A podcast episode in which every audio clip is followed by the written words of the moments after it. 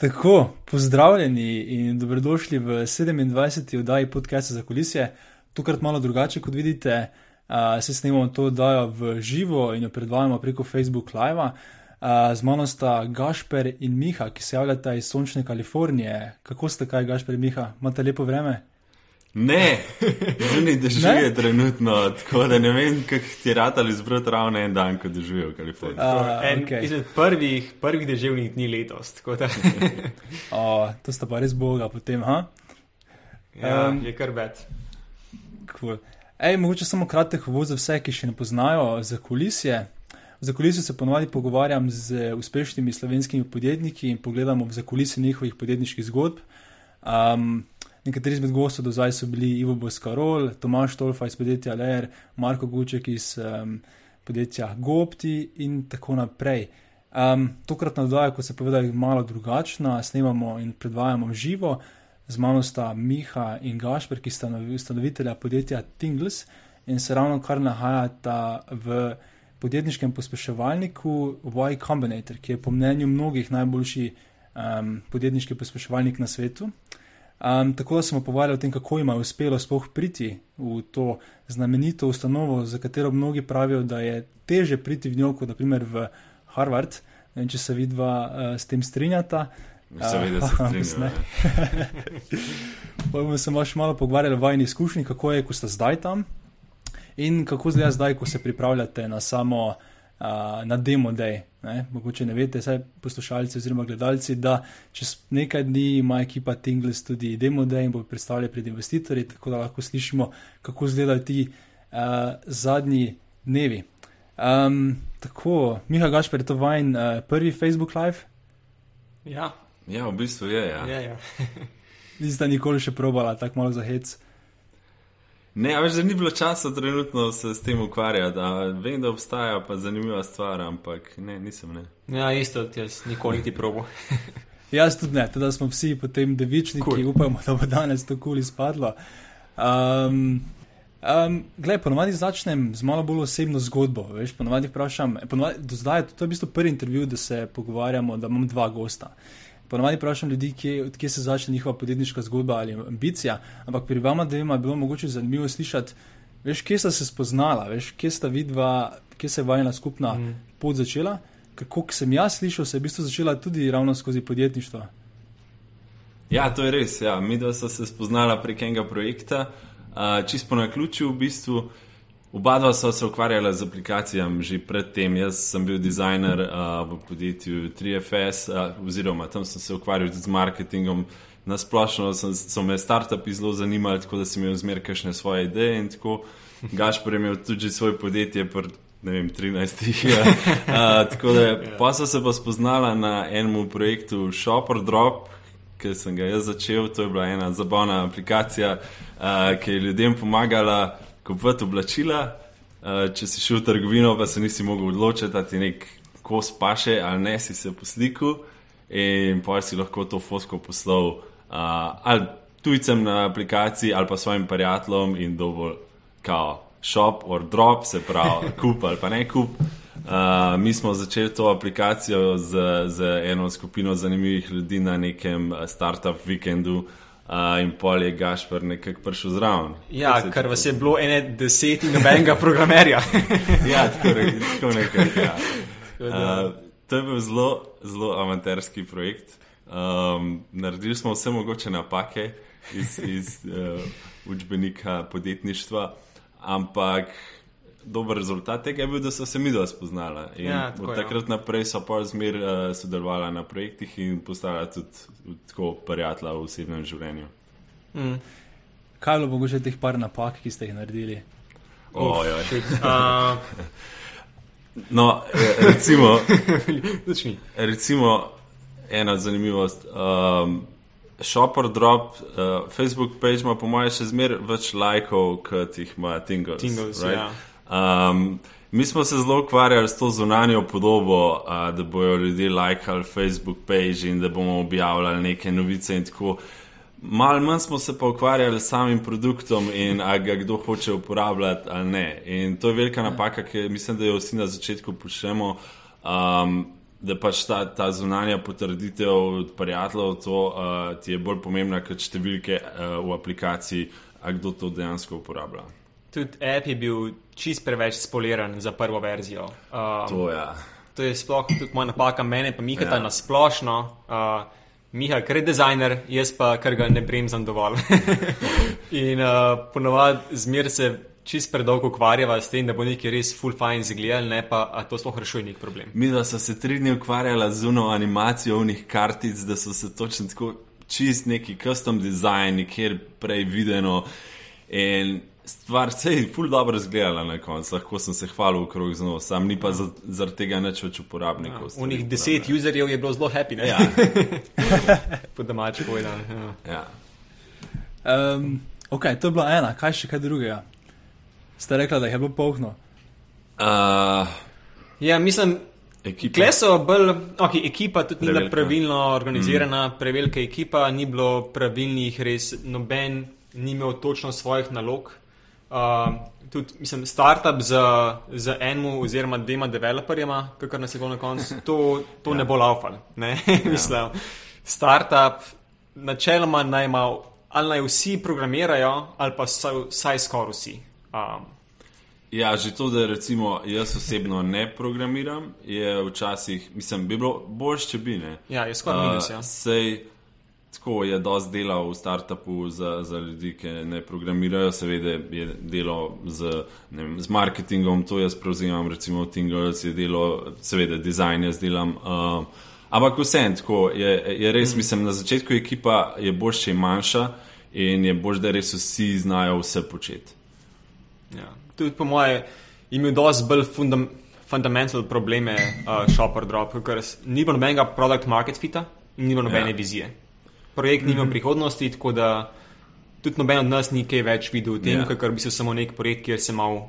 Kjer se malo učimo stvari, po domač povedano. Mm. Uh, pa nismo znali, recimo, brati številk uh, analitik v aplikaciji. To je, to je zelo pomembno, če se kdorkoli, ki posluša, če se ukvarjate z aplikacijami, naučite se brati uh, analitike, razumeti svoje uporabnike prek številk, ki jih lahko odbereš uh, v appu, se pravi. Ama aplikacija retention, to je ne vem, kaj je slovenska beseda za to. Uh, Retencija? retencija. Uh, to je recimo, to pomeni zelo basic koncept v, v startup, v app ekonomiji, eh, se pravi, da nekdo ostaja s tvojim produktom tekom časa, da uporabnik, ki pride recimo marca, pol aprila, še zmeraj uporab, uporablja tvojo aplikacijo. To pomeni, da, ima, da, ima tvo, da, da imaš nekaj, da ljudem to prenaša neko vrednost in da se vračajo nazaj. Mi tega nismo imeli in nismo niti se zavedali tega, da je to problem. Da. Jaz sem of analitiki, v bistvu, vaju bom še kasneje malo vprašal, ker se spomnim, ko ste mi razlagali o, Tingles zgodbi, da je bil glih to en izmed tistih prelomnih točk na začetku. Ampak predtem me zanima, a, mogoče da se malo še pogovorimo, kaj sta počela med tem shop and drop a, ali shop or drop, sorry, a, in a, pred Tinglesom. Veš, to se mi zdi dosti krat zanimivo a, v mestnem času, kaj se je dogajalo. Um, mislim, jaz vem, kaj sta počela, zato je tudi hočem to vprašati, ker se mi zdi, da dosti podjetnikov je, uh, oziroma ljudi, ki želijo biti podjetniki, je včasih mogoče poraz, veš, da si grejo najti službo. Ne? Videla ste si našo službo, ste malo dobila izkušnje.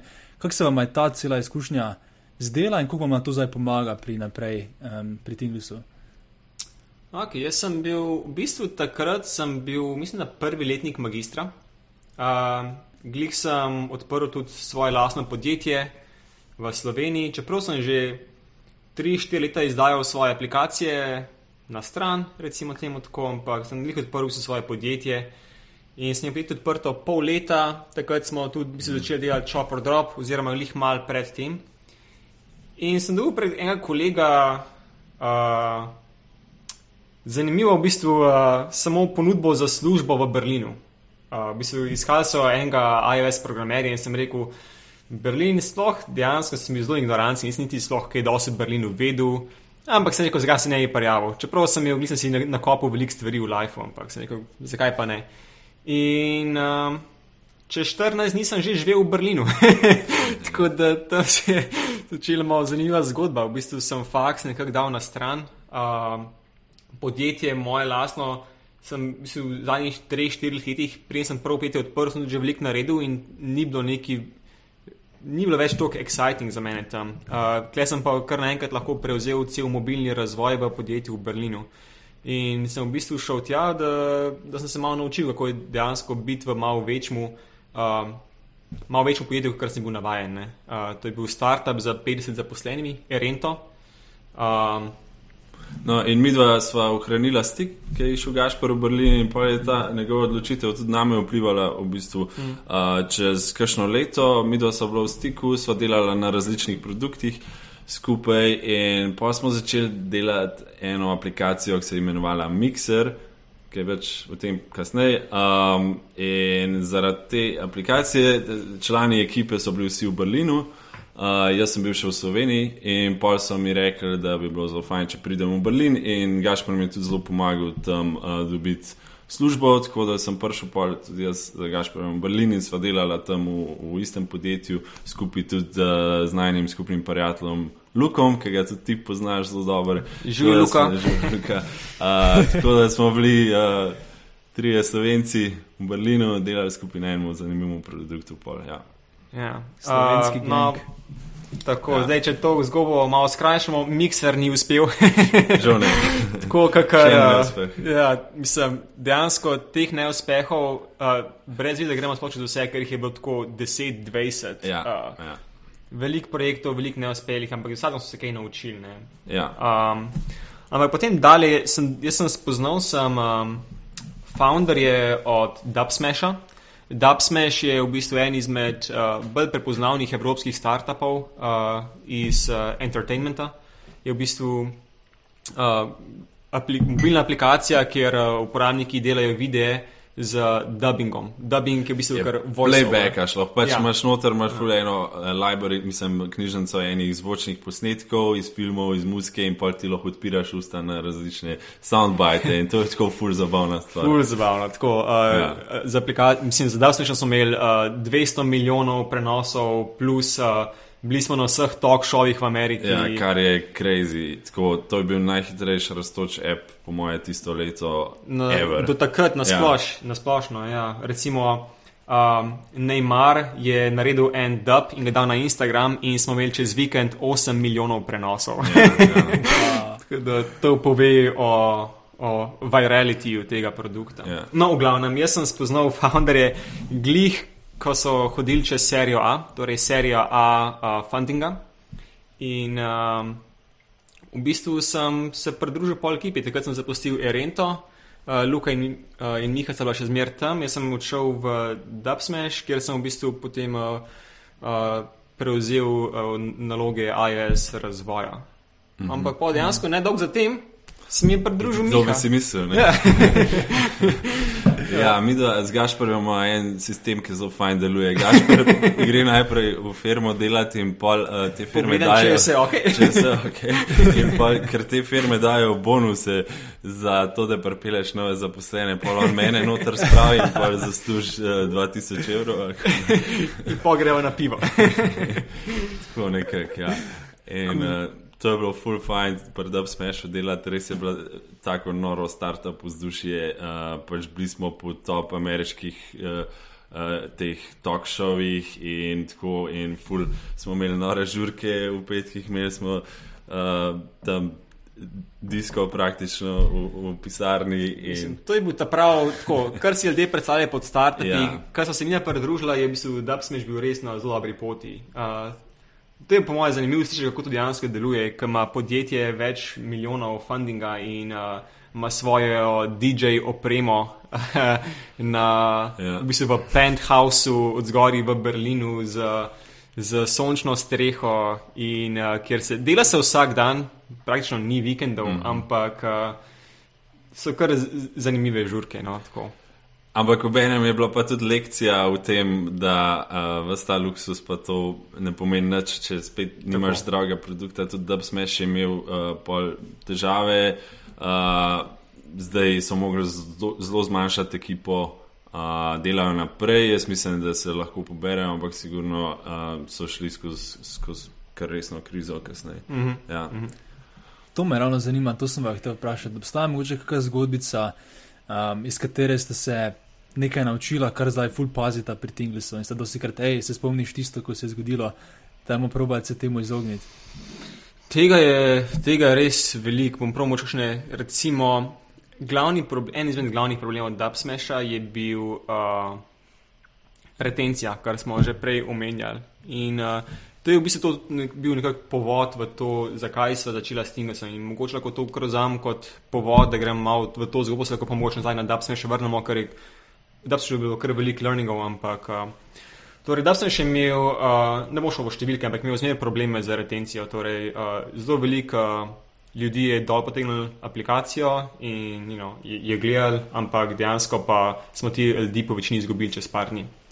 Uh, z Mihatom, v bistvu bil je to en uh, blasva na uh, kuhanem vinu v Berlinu in je Miha spet imel na, nabor aplikacij, idej, ki bi lahko naredila. In, uh, Ena z njih je bila Tingles. Ja. Uh, Gašpor je poslušal vseh mojih deset idej, na katerih sem trenutno delal. In na koncu je malo, malo razmislil in je rekel: Meni se zdi ta, ta Tingles, ta se mi zdi najboljša. Da je to za vikend narediti.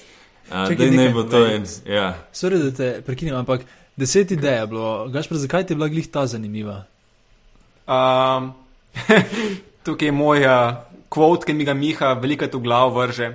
Zato, ker sem rekel, To je zelo simpel vikend projekt, kjer lahko sem veliko denarja zaslužil. to je easy money, rekel. Easy, easy money, easy money sem rekel. Pač, da, um, res sem mislil, da bo to tako zabaven projekt za vikend in bo dala to na App Store. Zavedala sem se, da potreba obstaja ni konkurence in, ja, in pa bo imela lep tak stranski dohodek. Zakaj pa ne? Kakšna naivnost. Um, v glavnem, kako je to izgledalo? Ja. App sva naredila v vikendu, to mislim, za eksekucijo sva ob tem času bila že kar dobra, ja, se da veliko prijeti čest, ja. tako da čez vikend je pa to v bistvu zunij, ampak še zmer ta aplikacija Belka ne služila Mihatu. Miha je bil, pa ko Miha pojma več o ASMR, ampak Miha je bil je zelo velik fan tega, fan tega žanra in mislim, da je aplikacija namenjena njemu. Obenem se pa dala tudi ven na App Store, da vidi, če mu če komu to všeč. In so skoraj nekako pozabili na to. Ne, da so čisto pozabili, mm. ampak ni bil to najmanj fokus. V Dubsmashu se je veliko dogajalo, da še zmeraj takrat uh, na Dubsmashu. In pa sem jaz enkrat se en vikend vzel in se rekel, grem jaz malo pogledati, kako ta Tingle zdruje. In to je bilo kakšne dva meseca potem, ko so dali aplikacijo ven. Mm. In kar naenkrat vidim, da je naš retention, uh, mesečni retention je bil uh, tam 20-25%, kar pomeni, da vsak uporabnik, je dol, vsak četrti uporabnik, ki je prenesel app, je čez en mesec ta app še zmeraj uporabljal. To je tako crazy dobro za prvo verzijo. Ful, ful, ful, ful, Recimo, uh, poprečno, mislim, da različne aplikacije imajo različne retencije, ampak to je nad poprečjem. To je krat deset, ja. recimo, kar bi bilo poprečje, kar bi si predstavljal. Ja. Ob tem, da niso več optimizirala. In s tem so videla, zato so se zavedala pomembnosti tega. In to je moje najbolj pomembna metrika, kjer je koli aplikacije, so vedela, da je tukaj nekaj več. In pa so začela malo bolj resno na tem delati. Ja. Ja. In tako bi se torej ena izmed glavnih uh, stvari, ki se naučila pri Dapsnešu, je v bistvu res, kako te metrike uh, na produkt vplivajo.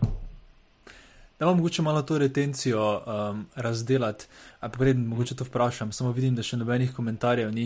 Torej, zdaj, vsi, ki gledate, imate kakšna vprašanja, dajte kar v komentarje zapisati, uh, pa bomo potem v drugem delu pogovora um, boste na ta vprašanja tudi Gašper in Miha odgovarjala. Ampak, torej, za glede te retencije. Obstajajo različne, različni načini, mogoče kako to lahko meriš, ne vem, daily, monthly, uh, mogoče še kaj druga obstaja. No? Kaj točno sta vidva? Merla. Pa pol me tudi zanima, kak, kakšno analitiko sta uporabljali. Ne, je bil to neki mix panel ali je bil to čisto navaden Google Analytics ali, ali kaj drugega. Um, uporabljamo mix panel. Uh, imamo tudi par kolegov tukaj v Mix Panel, ki nam pomagajo s tem, ampak Mix Panel je zelo draga zadeva, sploh kar rasteš. Tako da mm. uh, imamo za razmisliti, kdo se bo ukvarjal s tem, če misli, da mu bo karkoli uspel, naj pomisli dvakrat, uh, bi res šel za Mix Panel. Um, drugač, uh, gledamo vse vrste uh, retentiona, ampak za nas najbolj pomemben je. Uh, To reče 28-day retention, torej praktično v bistvu Mesečni. mesečna retencija. Mm -hmm uh, torej 28 dni. Uh, zato, ker uh, ko nekoga zadržiš za 28 dni, uh, je zelo majhen padec, se zgodi po 28 dni. Eh, Sveda je odvisno od aplikacije. Recimo imamo v Berlinu tudi ena zelo, zelo lušna aplikacija uh, za ženske, za menstrualne cikle. Uh, kjer recimo ne gledajo mesečne retencije, ampak gledajo, mis, mislim, da tri mesečne retencijo, ker je Ja. ja. pač aplikacija takega stila. Ja, to je zelo pomemben. Uh, Moraš poznati svoj produkt. Zdaj, če je aplikacija namenjena temu, da se jo uporablja vsak dan, so te krajše retencije zelo pomembne. Če si pa aplikacija, recimo kot Airbnb ali pa neki, neki za potovanja in tako naprej, kjer pač poprečen uporabnik ne potuje vsak teden, uh, pol je pač treba gledati daljšo. Ne? Mm.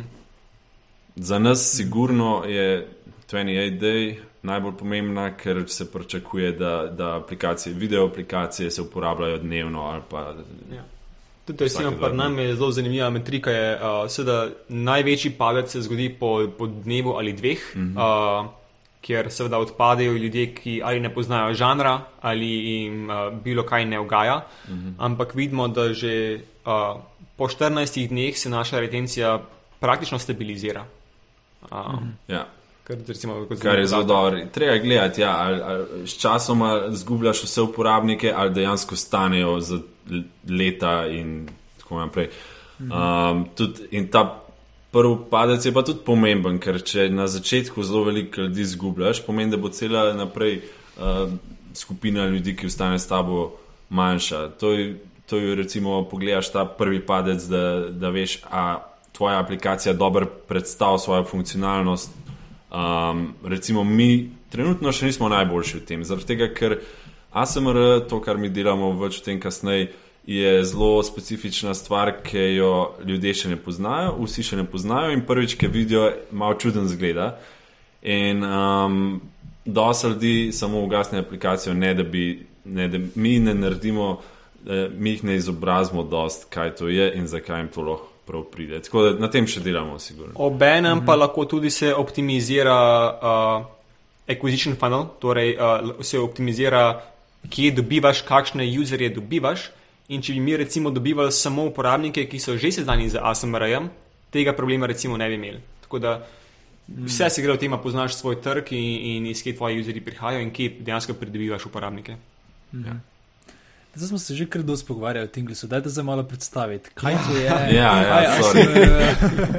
Da jim jih povej. Ful je težko ne govoriti o tem, ker je trenutno se cel življenje vrtil okrog tega. Tako, ja, um, Tingles je uh, mobilna aplikacija, ob enem video platforma za relaks, videe namenjene relaksaciji uh, v širšem, ampak trenutno se fokusiramo na poseben žanr videov, to so ASMR videi, ASMR v angleščini. Um, težko opisati točno, kaj je ASMR. Jaz predlagam ljudem, da si zlodate našo aplikacijo Tingles in se seznanite. Nice. Uh, ampak v osnovi gre za filmčke namenjene uh, relaksaciji in kot pomoč za zaspat. Ljudje to uporabljajo, preden grejo spat in pomaga pozabiti skrbi in se relaksirati in zaspati. Uh, zgleda tako nekako uh, en izvajalec, mi pravimo artist, um, pred mikrofonom še peta v bistvu tebi v ušesa, tako rekoč. Včasih se igrajo z različnimi zvoki, ne vem, recimo lahko praskajo po mikrofonu ali pa kaj podobnega. Mm. Uh, in uporabljajo neke posebne mikrofone, ki oponašajo anatomijo človeških ušes, tako da je res občutek, da je nekdo tam s tabo v sobi in v bistvu ti še peta na ušesa. Slišiš se ful čuden, ampak to je ena najhitreje rastočih vertikal na YouTubu, uh, velik trend in ljudje, ki to uporabljajo, jim pomaga z razno raznimi težavami. Uh, mi dobivamo dnevno e-maile, da ljudem pomaga pri depresiji, anksioznosti, proti migrenam. Nespečnost, In, ja, nespečnost je seveda največji, največji um, problem. Tako da ja, zlodite si Tingles, ful zanimiva stvar. Kaj, kaj pa je, naprimer, kdaj bi to, kaj so različni use case, kdaj to ljudje poslušajo? Torej, eno je pred spanjem, kaj so še druge zadeve. Ja, največje je pred spanjem, ampak uh, v resnici ljudje, ki se navdušijo nad tem, pol to poslušajo v vseh okoliščinah. Jaz osebno ne poslušam pred spanjem, poslušam pa, ker dizajniram, uh, ker delam kaj tazga, uh, kjer mi paše, da padem v ta flow, zen, karkoli. Da, da, da se... Tako, dajeti prijeten občutek. Zelo težko opisati, ker je res poseben občutek. Tudi na Wikipediji uh, je dosti napisanega o tem, tudi uh, znanstveniki delajo raziskave o tem. Uh, ne, res opisujejo ljudi, ki to občutijo, kot nek čisto unikaten občutek, ki ga nikjer drugi ne dobijo. Tako da, mm -hmm. kako boš opisal to? Kaj bi opisal, kako je videti zeleno barvo? Zelo težko, če jo sam ne vidiš. Ne? Ja. Okay. No, kako si ti to, kako si naletel sploh na to, Miha? Ker se mi zdi dokaj nenavadna zadeva. ja, ja, čisto slučajno. Jaz veliko časa zapravim na YouTubu, um, tako da sem malo surfal tam po, po YouTubu, sem videl en filmček, uh, SciShow, uh, stvar, ki jo redno gledam, ker tako zanimive stvari govori, uh, so razlagali o tem fenomenu. Me je zanimalo, sem šel pogledat, a sem R, napisal Google, ok. That's weird. Uh, pač, ja, tam ena ženska še petala v šesa, pa praskala po mikrofonu, pa tako, kot sem jaz pokazal. Ampak sem kar nekaj poslušal in poslušal, nisem mogel nehati. In sem ugotovil, da mi to ful paše in da se me sprosti. In pa sem začel to dnevno uporabljati, in pa sem videl, da ne obstaja neke dobre aplikacije za to. Trenutno je ves kontent na YouTubu. Um, kar je, mislim, YouTube je kul, cool, da se več folka s tem seznani, sam ni pa dobra aplikacija za, za redne uporabnike, ker ima glasne reklame, ki te zmotijo, če greš spat, poslušaš to in pol pride neka bam, glasna reklama in se zbudiš. Uh, Obenem pač ni, ni specializiran za to in mi, mi smo veliko boljši v tem, da ti predlagamo nove vsebine, stvari, ki te zanimajo in tako naprej. Mhm. Ej, pa če gremo nazaj malo na začetek zgodbe. Torej, Ja.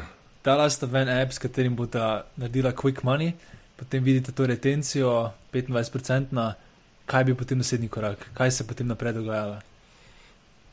Um, potem v bistvu s časom smo se oba na to fokusirali kako 100% in mm. smo začeli iskati uh, akceleratorje, pospeševalnike, na kateri bi se lahko prijavila, ki bi nam pomagali uh, pri tem projektu. Oba sem jaz že kar v tem času kar nekaj izkušenj iz startup sveta mm -hmm. uh, po Evropi, ampak noben.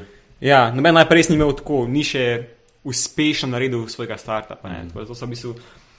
Takrat se potem prvič prijavila na, med drugim tudi na YC, torej na Y Combinator. Uh, To je ta Y kombinator. Tako, YC, ja. Okay. In uh, zanimivo so naj jo povabili na pogovor v Kalifornijo. In uh, to prijavi se tam med 10 tisoč startupi, startupov, sprejmejo pa jih med 100 in 150. Uh, mhm. Ene 500 pa jih približno priletijo. Uh, plačajo za vas prevoz, uh, plačajo za, za prenočišče in te priletijo v Mountain View, Kalifornijo. In Ja. takrat sem se prvič bila, wow, mogoče pa dejansko nekaj mala. Ne? Če, če na kratko cel ta proces opiševa, torej ene tri, tri koraki so. Najprej se prijaviš, eh, s pisno prijavo, opišeš vse svoje številke, svoj produkt in tako naprej. Pol, če te sprejmejo, imaš pol en klic po S- Skypu, recimo temu, a, kjer spet naredijo izbor in pol, če greš skozi to, te povabijo v Kalifornijo na uživo, kjer imaš tako 10 minut, da predstaviš Točno 10 minut. kar delaš. Uh, Zgleda tako nekaj, kot kakšna Amerika ima talent ali karkoli te, te šovi, brez kamer, brez pompa, ampak samo tako komisija teh. Teh uh, Partnerjev. partnerjev in oni ti, te bombardirajo z vprašanji, uh, skačejo besedo zelo, zelo, zelo natempirano, intenzivno. Uh, ampak ja, ne, tako, prvič so, so fejlala. ja, Ja, mislim, da najbolj velik uspeh, da je samo, da so sploh tja prišla. ja. Ne. Uh, v bistvu zanimivost je, prijavila so se na ene 5-6 akceleratorjev. Uh, Nekako na samem te večje, ne vem zakaj, ampak uh, Ker smo ambiciozna. ker so ambiciozne. In v bistvu nas vsi zavrnili, razen YC-ja. ne. A, Čeprav YC je bil prvi, ki je potrdil, medtem ko so čakali na odgovore ostalih, svejtek bila, ok, se grejo YC, se ni panike. ne. Mm. In na Ja. koncu naj je zavrnil YC, in ko naj je zavrnil YC, so dobila tudi ostale odgovore, da so zavrnjena posod druge. In Ja, pol je bil en val zavrnitev, ki tako se zgodi. Niso se ja. sekirala, Ja, no, ampak malo pa se, pa- malo je morala začela povzeti navzdol. Ampak kar je bilo pa ful dobro, je pa uh, na kakšen način so naj zavrnili. Ne? V bistvu so mm -hmm. naj dali misliti. V bistvu, ko se skoraj hitro sliši, da sem naj preletel v Kalifornijo za desetminutni pogovor, ampak ta desetminutni pogovor je v bistvu povsem spremenil smer, v katero sva naj produkt razvijala. Uh, v bistvu, lahko malo povem, zakaj sem naj zavrnil. Uh, torej, kot sem rekel, gradija video platforma in kot video platforma ima seveda dve strani platforme. Na eni strani so uporabniki in na drugi strani so artisti, izvajalci.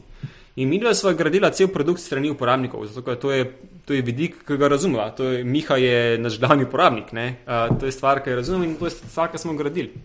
In YC, ki sem prišla tja, sem pripravljena na, na veliko vprašanj, ampak vse iz vidika uporabnikov. Vsa vprašanja z, z, pri YC so bila pa, zakaj bojo to artisti uporabljali. Useri bojo tako tako sledili artistom, zakaj bi artisti uporabljali. Ne? In nam je dal misliti. Nismo imeli odgovora takrat. Nismo imeli, ne?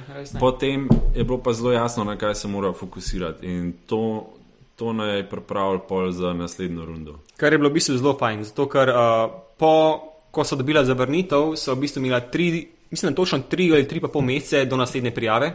Ker YC dela, uh, dela programe dvakrat letno. Ma zimski in ima poletni, uh, poletni krok, in zimski krok je imel prijave, mislim, da oktobra. In sem imela do oktobra, so si naredila plan, sva rekla, ok, gre nazaj na YC, imamo šanse. Mislim, so oba bila mnenja, da, da sva jim bila všeč, da imamo potencial, ampak da pač enostavno še nisva tam, ker so se totalno strinjala.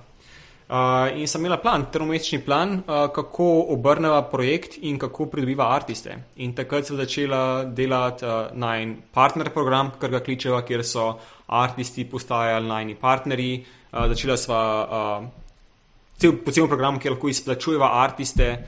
V bistvu so začeli na naši platformi ti izvajalci služiti in služiti veliko več, kot služijo na YouTubu. In to je bila dobra spodbuda za njih, da se pridružijo, da postanejo pač tudi, uh, da delajo reklamo za nas, ker s tem, ko delajo reklamo za nas, ko propeljajo svoje fene, uh, je bolj za njih, ker zaslužijo več denarja. In obenem so pa, nisem seveda pozabila na najne uh, core vrednote, torej uh, najn produkt je pa še zmeraj uspešno in zdravo rastu.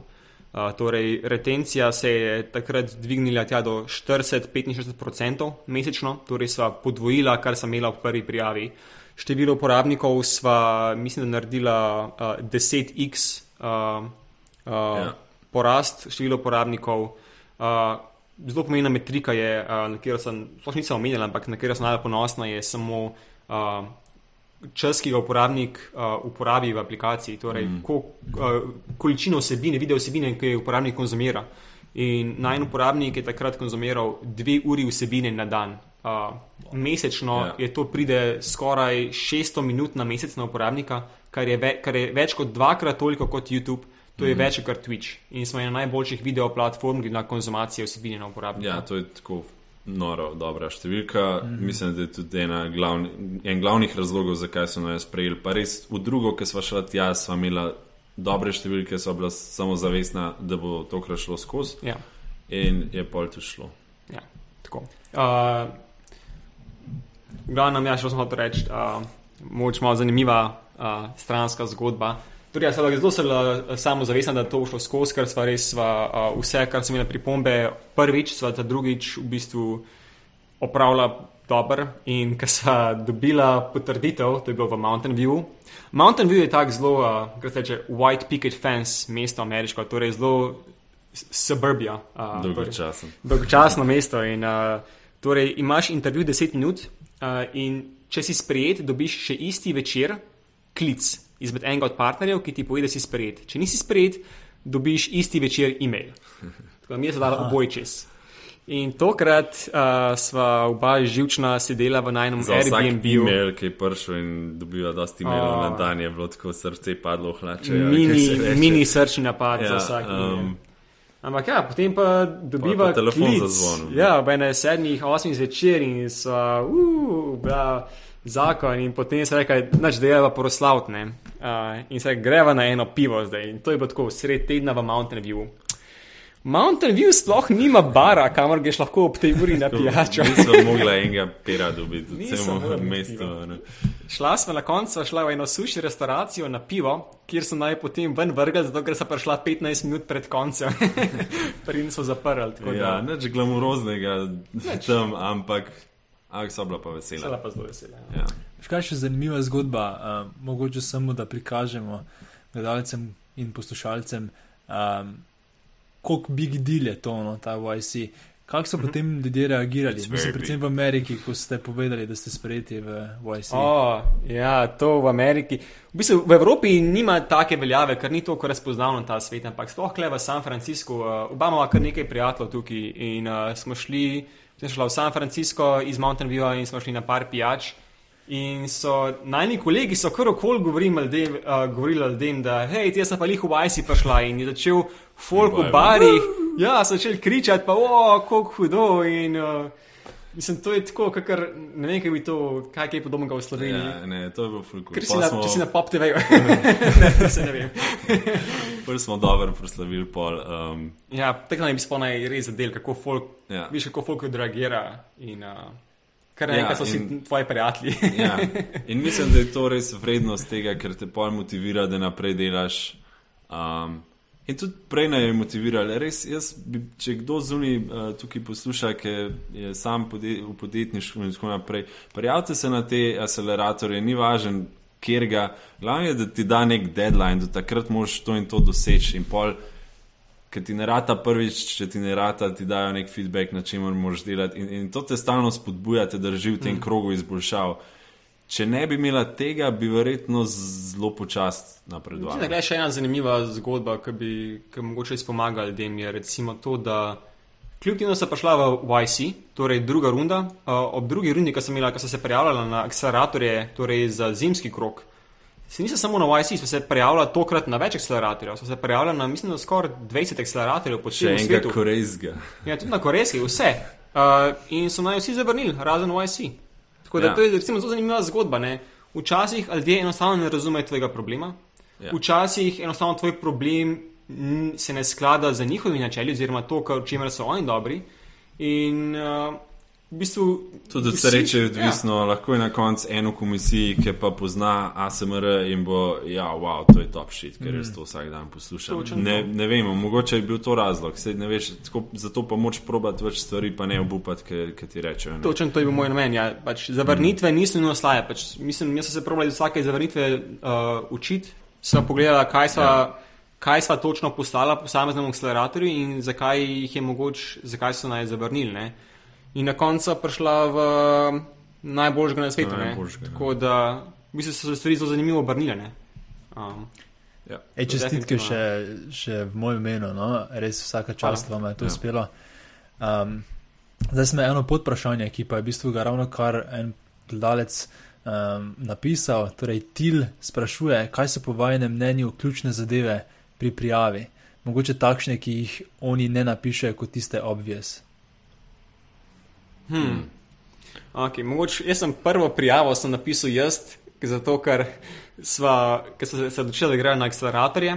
Uh, sem pogledal za YC in prijave deadline je bil naslednji dan. Tako da mm. za prvo prijavo sem imela točno en dan in sem to na Ja. hitro spisal. Uh, Štiri, ker dobro šlo na koncu. Uh, mogoče kaj, uh, na kaj biti pozoren. Ne spomnim toliko. Ja, zdaj razmišljam, kaj je res tisto, kar je bilo. Uh, gledajo, da imaš vsaj neki uh, traction, torej da imaš neke številke, da razumeš svoje številke in da, da imaš nekaj, kar te postavi stran od ostalih. Uh, Oh, spomnil sem se ene. druga stvar je tudi, da imaš neko vizijo, da pa plus, da poznaš svoj market. No. Mm -hmm. Mislim, da to je pomembno, da, da saj približno veš, kaj delaš in, in kam boš šel s to idejo. Ampak to je zelo površinsko. No. Moš ti Ja, reči, kaj boljšega. um, jaz se spomnim tega, ne vem, koliko so oni jasni glede tega v svojih uh, tekstih, ampak zelo pomembno je, da imaš co-founderja, da imaš mm -hmm. nekoga, da, da je ekipa, vse jedro ekipe z, zdravo, sposobno. Um, se pravi, oni delajo to že zdaj 10 plus leta. Ne? In oni so videli skozi izkušnje, da so najbolj uspešni timi, ki imajo dva co-founderja, se pravi, soustanovitelja. Um, zdaj obstajajo seveda izjeme. Imáš ekipe, ki, kjer so trije, tudi štirje, verjeten, imaš tudi ekipe, kjer so solo founderji. Ampak pač večkrat, tisti so večkrat neuspešni in zato imajo oni zelo močen bias proti uh, dvema co-founderjema. Ja. In uh, to, to ne sme biti nekdo, ki sem ga spoznal prejšnji teden na, na nekem uh, startup datingu ali pa nekaj tasga, mora biti nekdo, ki se poznata že dolg časa, zato ker uh, graditi nek podjetje skupaj je res tak čustven roller coaster, uh, vlakec smrti. Uh, in je uh, ponavadi startupi razpadajo zaradi tega, ker se v, v ekipi začne konflikt in razpade mm. ekipa. Tako da oni gledajo, zato mi dva so zelo veliko napisala tudi v najni pač skupni podjetniški poti prej, kaj so skupaj delala in tako in oni tudi pol, ki so bila tam v živo, zelo gledajo to dinamiko med, med co-founderji. Mislim, da ste dobro povedali. Ja. In to tudi prihaja čisto iz zgodovine YC. -ja. Torej, podjetja, ki so šli čez YC, torej Airbnb, Reddit, Dropbox. Uh, so bi se noter prišla Twitch, če jih kaj na koncu prišli ven iz mm -hmm. To so podjetja, ki so jih sprejeli, so jih zaradi uh, founderjev in yeah. ne ja. zaradi idej. Uh, slo, Airbnb, uh, founderjem so govorili, da morajo spremeniti idejo, ker ja, ja, je ideja neumna. na začetku so zelo radi to delali. Ej, vi, vi ste mi všeč, ampak ta vaša ideja je za noč, da te nekaj drugega delate. Ne? Nobeno spal ja. na, na napihljivih poslah v stanovanjih. Ja. ja, um, ja, tako to je bilo recimo zelo da pomembno, da, da so founderji, um, da je dobra founding ekipa. No? Ja. Definitivno. Ampak spet to ne pomeni, da moraš biti ne vem, na nekih visokih šolah. Sam tako, moje vzadje je, jaz nisem, jaz nisem končal faksa, uh, študiral sem sicer kitajščino, filozofijo, ampak nikoli zaključil, tako da to ni pomembno.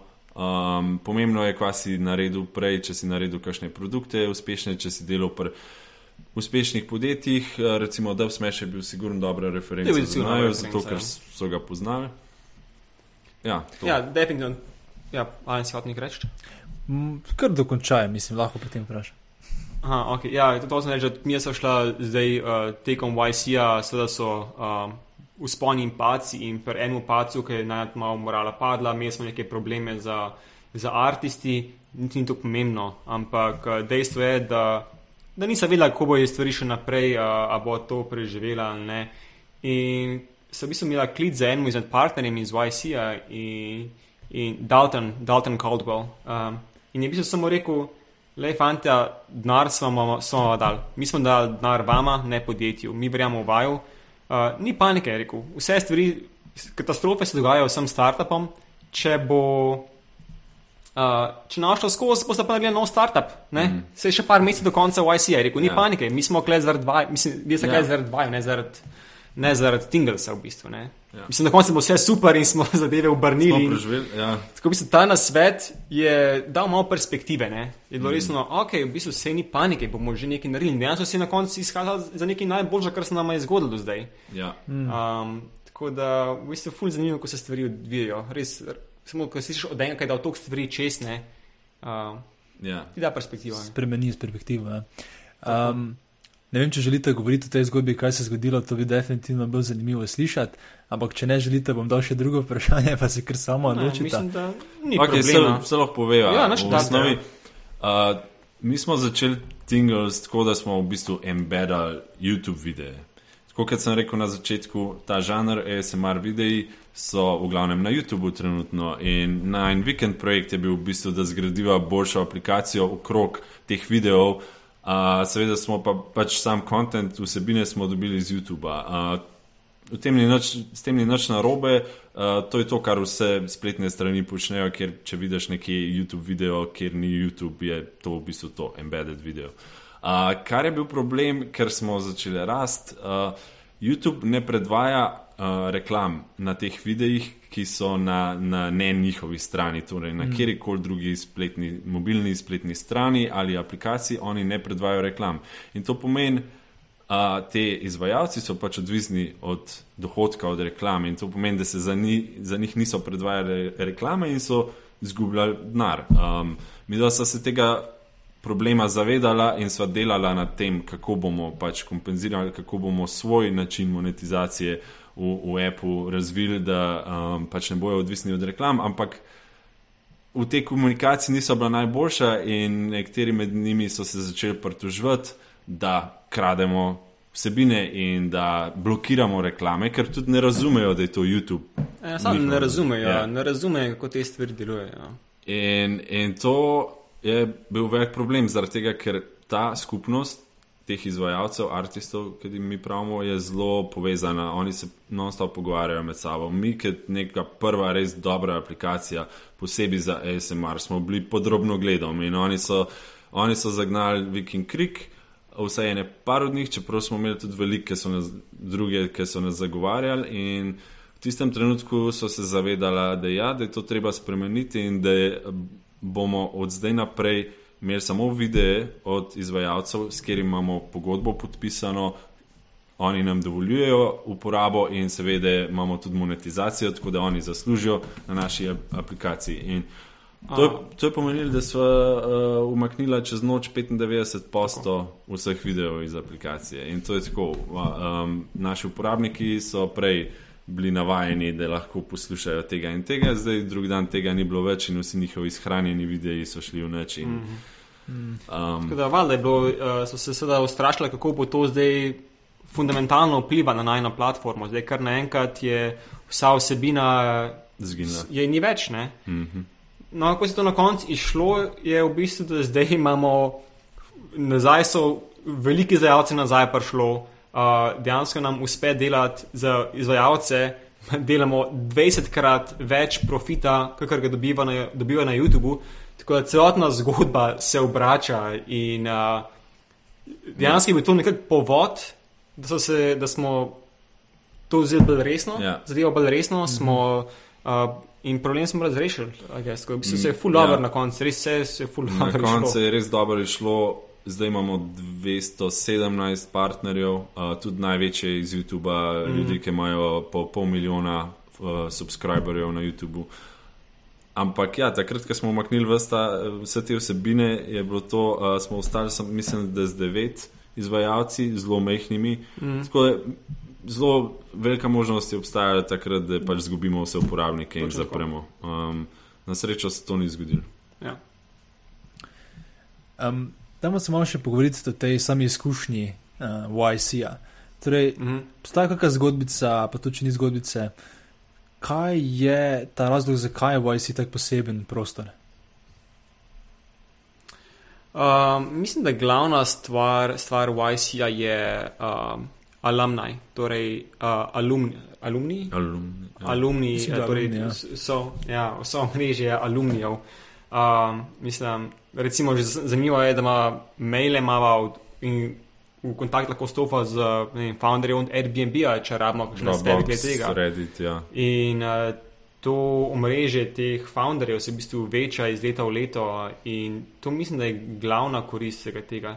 Poleg tega, da Wise definitivno tudi daje ime uh, uh -huh. in nekako nas vsi zdaj dvorijo, samo recimo Google, Amazon, Heroku, vsa, vsa večja podjetja imamo recimo imamo 200 tisoč dolarjev samo v kreditih za da uporabljamo njihovo infrastrukturo. Ampak to so samo to so tako dodatni, dodatni priboljški. Ne? Ja. Glavna stvar, kar je, je znanje. Znanje, ki ga, dostop do vsega znanja, ki ga imaš in izkušen. Recimo, kar sem premenil, ta zgodba z, z Daltonom, Dalton Caldwell, ne, ki je naš glavni partner v YC-u.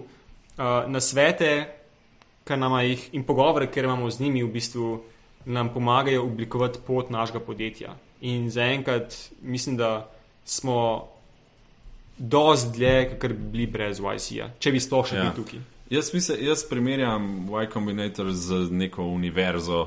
Uh, mislim, da univerze tipa Harvard, Stanford so zelo podobne ustanove. Delujejo zaradi tega, ker imajo uh, nek uh, renome, uh, uh -huh. zato tja prihajajo najboljši ljudje in pol te ljudi uh, med sabo so povezani, si pomagajo, -huh. uh, velja ta solidarnost. Pač, če mi dva zdaj rabimo pomoč, lahko dobiva od kogarkoli v, tej skupnosti. Mhm. In ja, zakaj pa Y Combinator ravno uh, ta, ta naj, z najboljšim renomejem, je pa zato, ker je bil ta prvi. Uh, v bistvu so oni izumili ta model, vsi podjetniški pospeševalniki po celem svetu, ki so zdaj zelo popularna zadeva, so, So kopije. neke vrste kopija Y Ja. Combinatorja. To sta začela Paul Graham in Jessica, Jessica, ja. Graham, uh, dva res vizionarja. Um, ker sta tudi zanč tukaj pri nas imela govor in wow, to je bilo res tako um, nekaj zaslišati. Mislim, one dva sta to začela uh, takrat, ker noben ni verjel, da ta koncept lahko deluje. V bistvu vsi resni investitorji so se jim posmehvali. Ona dva sta um, to do, v bistvu organizirala doma, te povabila sta te mlade podjetnike v svojo hišo, kuhala večerje za njih in tako naprej. Začetki so bili zelo preprosti, tako kot, tako kot nek startup. In um, na koncu iz, tega, iz te prve skupine so išla podjetja Reddit, pa je bil še Uh, Justin TV, uh, Justin TV, ki je kasneje postal Twitch. Twitch, pa Social zdaj Cam. Ja. uh, milijardo vredna firma. Uh, v glavnem, res uh, fenomenalne ekipe in podjetja, in pol, pol je cel Silicon Valley videl, wow, te pa, to pa so neki odkrili tukaj. In um, mm -hmm. tako so se začeli ti copycatsi pojavljati. Um, preden pridemo na vprašanja gledalcev, ki jih še enkrat pozivam, uh, da dajo svoje vprašanja v komentarje, zdaj se jih že nekaj nabrala. Um, še eno stvar dajmo obdelati, ali pa dve. In sicer me zanima, um, kako se zdaj pripravljate. Čez nekaj dni imate že demo dejne, mislim, da celo ta teden. Ja. ne vem. Kako izgleda čez en zdaj ja. priprava na to? Uh, zdaj je kar hektično. Uh, mislim, torej naj je zadelnajo je v bistvu ja. predvčerajšnjem v nedeljo. Uh, wow, mi imamo čez en teden demo day. Torej, Ja, demo tako. day za te, ki ne vejo, za te, ki niso spoznani s tem, je v bistvu um, vsi investitorji, uh, glavni investitorji iz Amerike in celega sveta v bistvu pridejo uh, v YC, kjer, uh, kjer YC podjetja trenutnega, trenutnega beča, trenutne skupine uh, pičajo svoje ideje in probajo dobiti investicije. V bistvu vsak ima dve minuti, da predstavi, kaj dela, in v teh dveh minutah I- moraš prepričati investitorje, da si zanimiv za, za investicijo. Ni treba prepričati, da bi tako investirali, vate, ampak vsaj to, da se pol sestanejo s tabo potem. Torej, dve minuti, to je Zelo Ja. zelo, zelo pomembna je izbira besed, uh, na kakšen način upraviš. Mislim, sama intonacija, kako Ja. ja. govoriš, je zelo, zelo pomembna. In v bistvu, ja, v nedeljo, torej dva dni nazaj, sva bila, wow, ok, zdaj pa moramo se Ok, temu posvetiti. ja.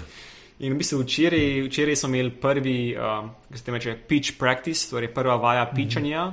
In v bistvu je šlo kar dobro, ampak malo Sva zadovoljna. veliko nasvetov za naprej. In Zdaj, v bistvu, kako celotni teden vnaprej izgleda, je samo vaja, vaja, vaja Zdaj, in tako, iteracija. Pičo bo Gašpr, jaz, hvala Bogu, sedim. No, oziroma bom na odru, ampak ne bom govoril. Uh, skozi uh, te vaje, ki jih imamo zdaj cel teden, pa to tako zgleda, da je Gašpr gre gor in piča, jaz ga snemam uh, iz publike in pol, seveda nam ti mentori uh, dajo na svete, kaj je treba spremeniti, kaj, kje pointe sva dobro povedala, kje ne.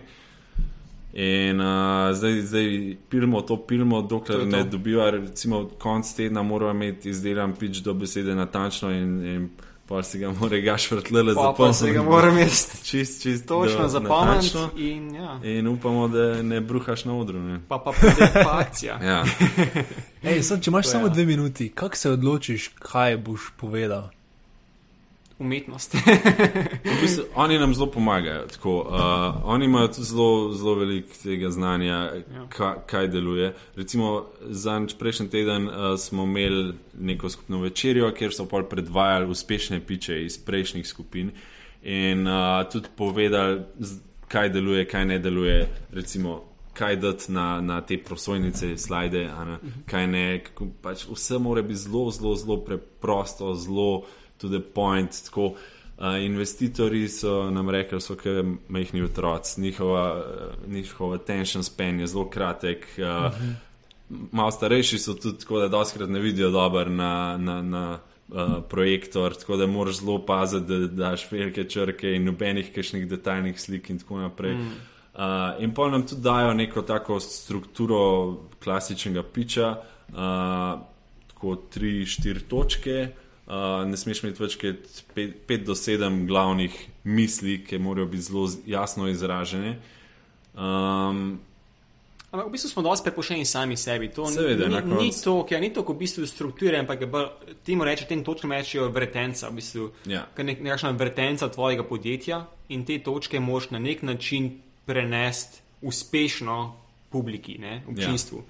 Na kakšen način je pa res. Uh, in tudi vidimo, zelo, zelo različne načine obadajo podjetja. Recimo, veliko je uh, biotech podjetij, to sta biotehnična podjetja, rešuje probleme raka in, in podobnih. Imajo recimo zelo drugačno strukturirane piče, kot recimo Midva, ki smo bolj lifestyle entertainment app. Mm -hmm. uh, zelo, mi recimo veliko delava na zgodbi. Um, Kako predstaviti zgodbo. In vsak startup ima praktično svoje probleme. Pri nama je definitivno velik problem, kako razložiti ASMR kako imamo dve ja. minuti in kako poveva, kakšen problem sploh rešujeva ljudem, mm. ki niso seznani z ASMR-jem. Fulje ful je težko to, ker uh, tako kot sem rekel, ASMR je treba poslušati, da ga zares razumeš. Mi dva mora pa ne v dveh minutah, ampak res v desetih sekundah to razložiti, ker ostal čas mora jeti za to, koliko je trg velik, pa kakšna priložnost, pa kako napadamo ta trg, ja. zakaj smo mi, da bomo zmagali to tekmo in tako naprej. Ne veliko informacij. ja. ja. Um, si kaj nervozen že, Gašper? Um, tako me je, ker sem omenil, ne, e, nedeljo, mislim, da me je malo zadelo. Nedeljo zjutraj sem se še lepo zbudil, sem šel na en sprehod po, po sončnem San Franciscu, potem sem prišel nazaj, sem se malo legel in kar nekaj me je zadel. Wow, jaz moram pičati čez en teden, nimava deka, nimava slajčeva, no, nimava nič. Od takrat naprej sem konstantno živčen. Ja. Gašpor je kar špricer, moram reči. Tako, jaz včeraj mislim, glede na to, da smo se pravi, če je prvič pičil, mi da so tako pet minut prej napisala te najne pointe. Ob tem, da se lahko po koncu do štirih po noč, ker smo delali v nedeljo, začeli do štirih po noč delati prvo verzijo piča. Ker smo ga potem čist spremenili, pet minut pred ja, pičem. Obenem je pa cel app nekaj ni delal, nekaj zelo pomembnega in je mogel Gašpor popravljati to.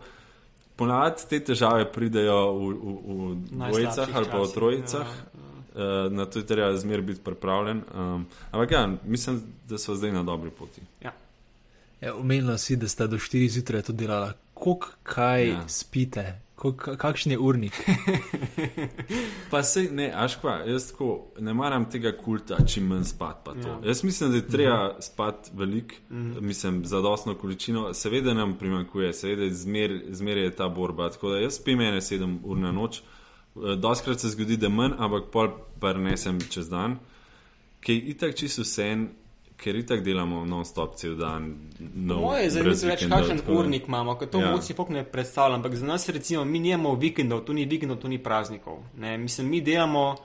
Delamo vsak dan in ko se zbudiš, ja. greš delat, ampak se, če rabiš pauzo, greš ven, greš na sprehod za eno uro. Lahko greš spat v enih popovdne, če, če rabiš spat. Ja. Tako da mislim, res je neumen uh, se sil, če si zaspan, če vidiš, da ti koncentracija pada.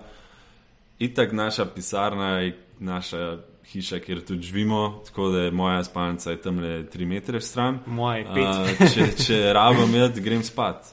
Uh, in mislim, da, da to je preveč se v, v teh podjetniških vodah glorificira, to uh, jaz pa sploh ne spim, jaz pa spim tri ure na noč.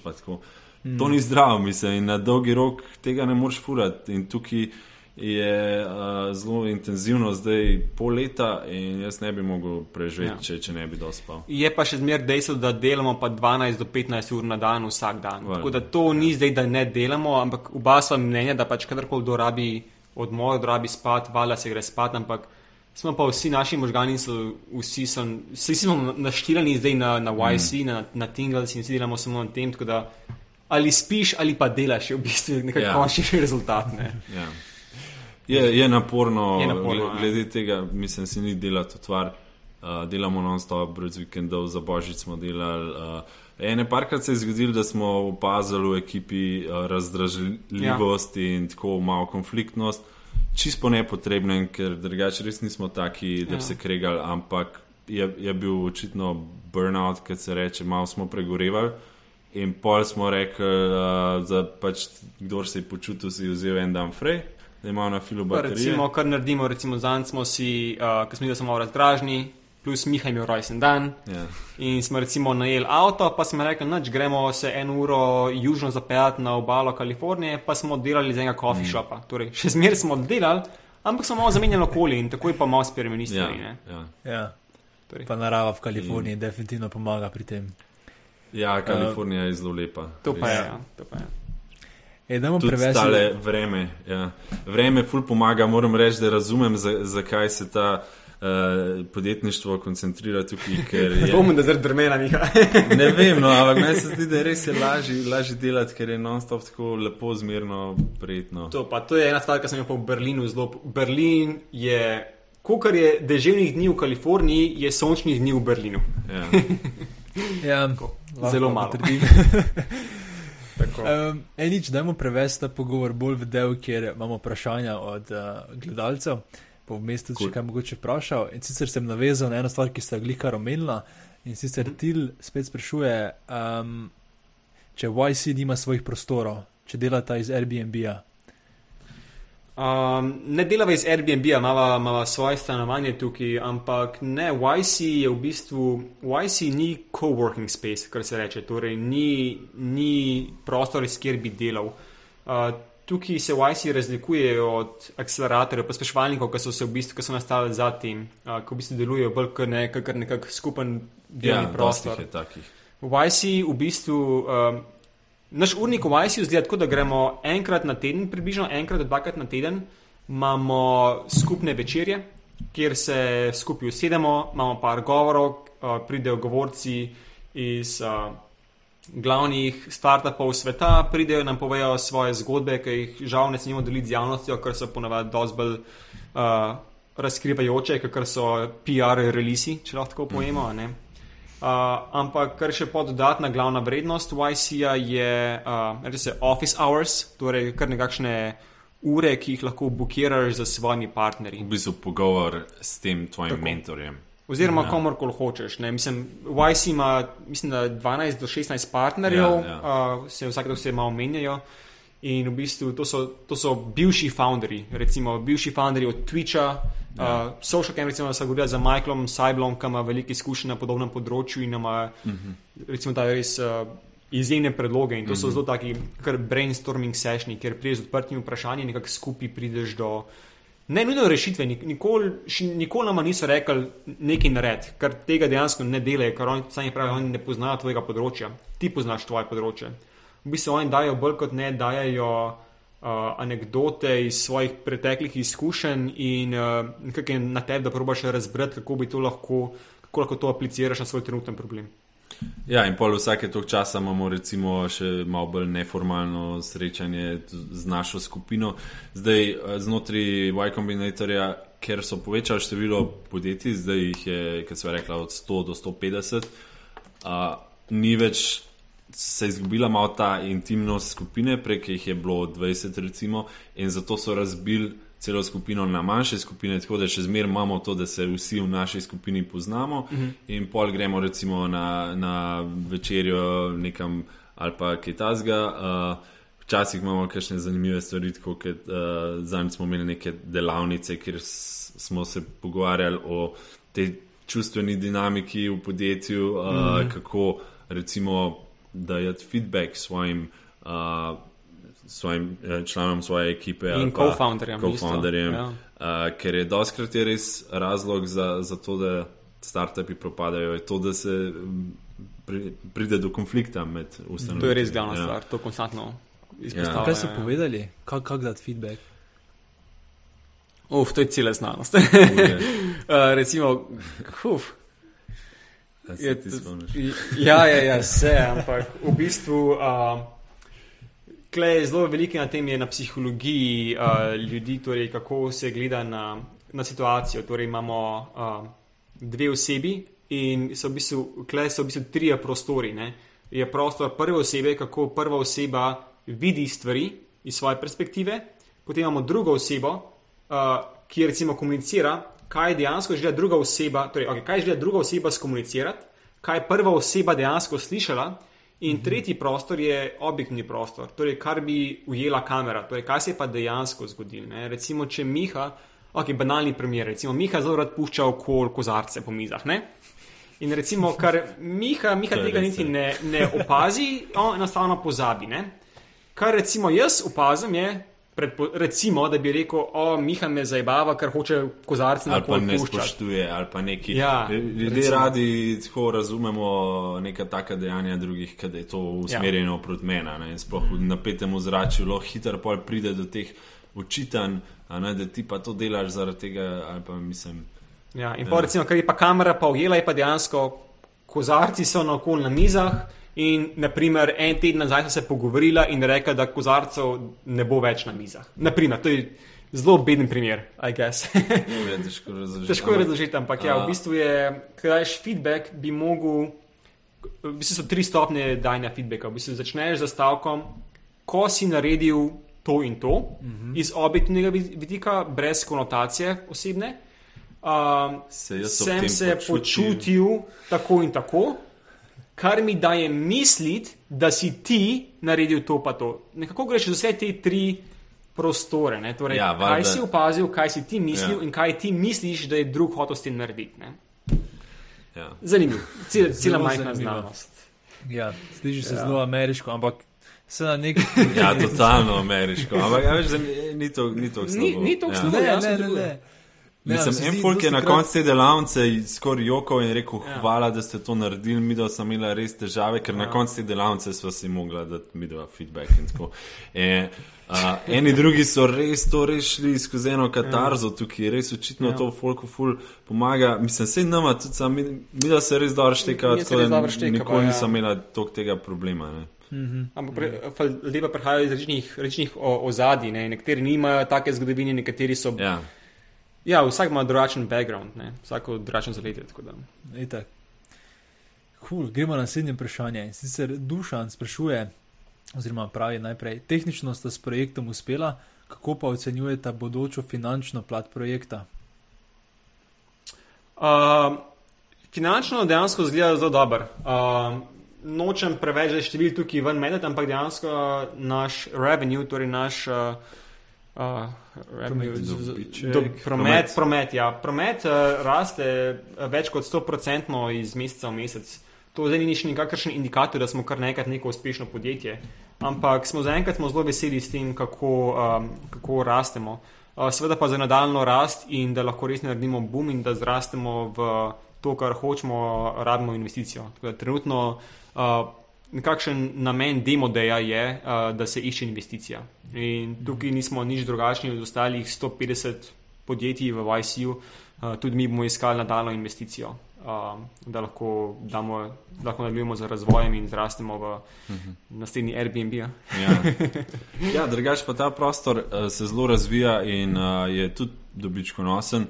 Uh, torej, cela relaksacija, te api so se začeli pojavljati ne tako dolgo nazaj, api namenjeni temu, da se sprostiš, da meditiraš, da se bolj fokusiraš, ker res živimo v času, kjer je veliko distrakcij. Uh, tudi tehnologija je seveda pripomogla k temu in uh, reakcija mnogih je, da stran s tehnologijo, a ne da tehnologija uh, je razlog za to, um, za to nespečnost mm. in anksioznost in vse to. Ampak v resnici tehnologija lahko tudi pomaga. Obstajajo api, uh, ki, ki so tudi strani FDA in glavna. Uh, ameriška agencija za, za potrjevanje zdravil in, Ja. in treatmentov so potrjeni kot alternativa antidepresivom, alternativa vsem tem tabletam, ki jih danes ljudi jejo, zato da bi se bolj počutili. In mislim, da je to super, a ne? če lahko Ja, ja. mi uh, ljudem damo nekaj, uh, ki je ni kemija, da se bolj počutijo. Uh, Je to seveda veliko reden. In zdaj v trenu- trenutni situaciji obstajajo recimo api kot sta Calm, Headspace, ki so mm. v vrhu top grossing na Apple App Store. Torej, Najbolj zaslužkarski. Top grossing, Api. naj, ja, največ uh, Dobičkonosni, zaslužijo. ja. Ja. Um, in mislim, mi sigurno hočemo dominirati ta trg relaksacije, zaradi tega, ker smo platforma, ki pritegne lahko vse različne vsebine, vse ustvarjalce iz, iz različnih žanrov. Uh, ne samo ASMR, mi hočemo se razširiti tudi na to vodeno meditacijo. Na, na, recimo prejšnji teden smo dobili največjega ustvarjalca teh uh, Belega šuma. belega šuma, to je white noise, to so zvoki narave, zvoki oceana, eh, dežja in tako naprej. Ta ustvarjalec je prvi zadetek na Google, če napišeš white noise. Uh, in mi s tem našim pristopom lahko zrastemo večji, kot so te trenutni api, ki so zelo zaprtega tipa, kjer ne more noben zraven prijeti. Tako da to je naš dolgoročni cilj. Ja. Dober pič, dobra vizija. Ja. Um, gremo naprej, da še da možnost uh, gledalcem. Torej, Miha sprašuje, um, no pravi najprej pozdrav iz Berlina. Uh, imate kakšne stike z Slovenci v Bay Area in dokdaj boste tam? Ha, nimamo, ne? Ja, bolj malo, ni bilo časa. Jaz sem z Matevžom Petkom na kratko stopil v stik, ampak se, sorry, Matevž, če gledaš, nismo se še uspeli videti. Uh, vem, da je Matevž že tukaj. Um, drugač pa ne. Mislim, da je mm. trenutno sva 100% zaposlena z, z razvojem Tingles. Uh, ne samo se ne druživa z Slovenci, ne druživa se z nobenim. Tako da najmanj življenje je trenutno kar, do, kar dolgočasno, kar se tiče tega. Uh, No, lahko opišemo malo to situacijo. Tukaj, tukaj imamo uh, Gašporja Punca, Sabina z nami mm. in uh, Luis uh, in Vitek in Nemc in, in Poljak, Poljak uh, tudi člana ekipe. In mi se vsi fajn štekamo, radi igramo tle zvečer, vorim se, uh, če poznate to igrico. Vsi slovenci poznajo uh, vorim se. Če bi streljali med sabo. Tako, tako, to je naš socialni življenje, trenutno je zelo funkcionira kot ena družina. Ja. Uh, Imamo enega zelo do, dobrega prijatelja, ki je skor slovenc, italijan iz, Trsta, Trsta uh, Francesco. In ja, on je res tako uh, faca. In, Mislim, da kar lušen krok ja, prijateljev, kleke jih zanemarjava. ja, žal jih malo zanemarjava. Ampak, ampak vsi razumejo. Ampak, ker bo konc tega, pa mislim, da, da bo bolj socialno življenje zalaufalo. Uh, koliko časa tukaj zna biti, um, da več let? Če bomo tukaj firmo zdaj uh, gor postavili. To je definitivno plan. Ja. Uh, to je plan. Če nam ne uspe, je zdaj Trumpova Amerika zelo neprijazna ne, ne do tujcev, tako da nas bojo itak ven vrgli, ne smejo biti več kot uh, pol leta na tej vizi, ki jo imamo trenutno. Um, tako, ampak ja, bomo videli. Bomo videli. Ja, te vize so tudi mogoče tema za čist drugi podcast, oziroma en celi podcast. Mm, o tem lahko um, govorim eno uro. to sem tudi že, mislim, da z Robertom Farazirem se pogovarjal, uh, s katerim se lahko by the way pogovarjal. On je tudi bil v ICU, ga poznata? Mm, Kjer podjetje? Uh, on je bil z Double Recall. Ah, ah okay. ja, ja, ja. ja. Right. Oni so bili tudi. Ja, true, true. ja on je tudi. Ja, vse sem govoril o tej viziji in kaj so se naredili. Vse ja. se mora povezati z vsem tem področjem. Ja, se, se, se bo, sem zdaj le ja. temu dan. ja, ja, ja itak. Se zato vam jaz tudi počasi prepustil, da se greste nazaj pripravljati. Uh, ja. Mogoče čist, čist zadnje vprašanje, pa se lahko tudi bolj kratka. Um, Til sprašuje, um, če ste imeli kaj težav z inkorporacijo v Ameriki, kaj je bil pogoj ne. za to. To pa lahko priporočam um, torej od Stripe. Stripe uh, je, ima v bistvu podpodjetje Atlas uh, in Atlas pomaga pri inkorporaciji podjetij uh, v Ameriki. Torej, uh, v bistvu se podjetje se seveda inkorporira v Delaware, Delaware ne, kar ljudje mislijo, to ni davčna oaza, ampak je dejansko um, ameriška zvezdna država z najdaljšo zgodovino, uh, tudi edina zvezdna država, ki ima uh, sodišče prav za podjetništvo in najdaljša zgodovina z sodniškimi odločitvami v prid startupom. Zato se vsa uh, startup podjetja inkorporirajo tam, tudi vsi investitorji iz ja. tega navajeni in vsi oni to inkorporirajo. Ja. Če kdorkoli uh, rabi slučajno. Uh, Invite. Invite uh, mi lahko piše na gasper at gettingles.com, ja. pa, pa, pa vam pomagamo pri tem. Ja, najlepša hvala še enkrat, Miha in Gašper, da ste si vzeli čas. Ja. Imate še kakšno sporočilo za uh, naše gledalce in poslušalce, kasneje v podkastu? Prvo, to, da se dogajajo, app. Ja, zelo ja. da si app, nujno. Um, Pa, če, če... pa držite pesti v ponedeljek, ne? Držite pesti v ponedeljek, pa če kdo zunaj tudi dela na svojih projektih, vam želimo vso srečo. Mm. Uh, ustrajnost je ta prva vrlina podjetnika, ni inteligenca, ni karkoli drugega, ampak je ustrajnost, tako da boste ustrajni. Ampak učite se iz vlastnih napak. Ja. To bi se zelo lepo povedal. To ni samo na svet Miha, to je dejansko na svet YC-ja. Ja. Ni, ni kle inteligenca, glavna kle je ustrajnost. Ja. Mislim, da je tudi zelo lepi. Um tak point, ki lahko končamo ta današnji pogovor. Hvala vam še enkrat, da ste si vzeli čas v tem v bistvu, najtežjem tednu, mogoče za vaju dva. Um, hvala tudi vsem, ki ste gledali z nami do konca, um, z veseljem. Um, Če bi radi slišali še več podobnih pogovorov, je na voljo na zakulise.com, mislim, da za že 26 pogovorov, um, teda polite na zakulise.com. To je to za tokrat. Um, hvala vsem še enkrat, pa se vidimo mogoče v kratkem kaj. Se vidimo. Alen. Okay. Čau, čau. čau. Srečno.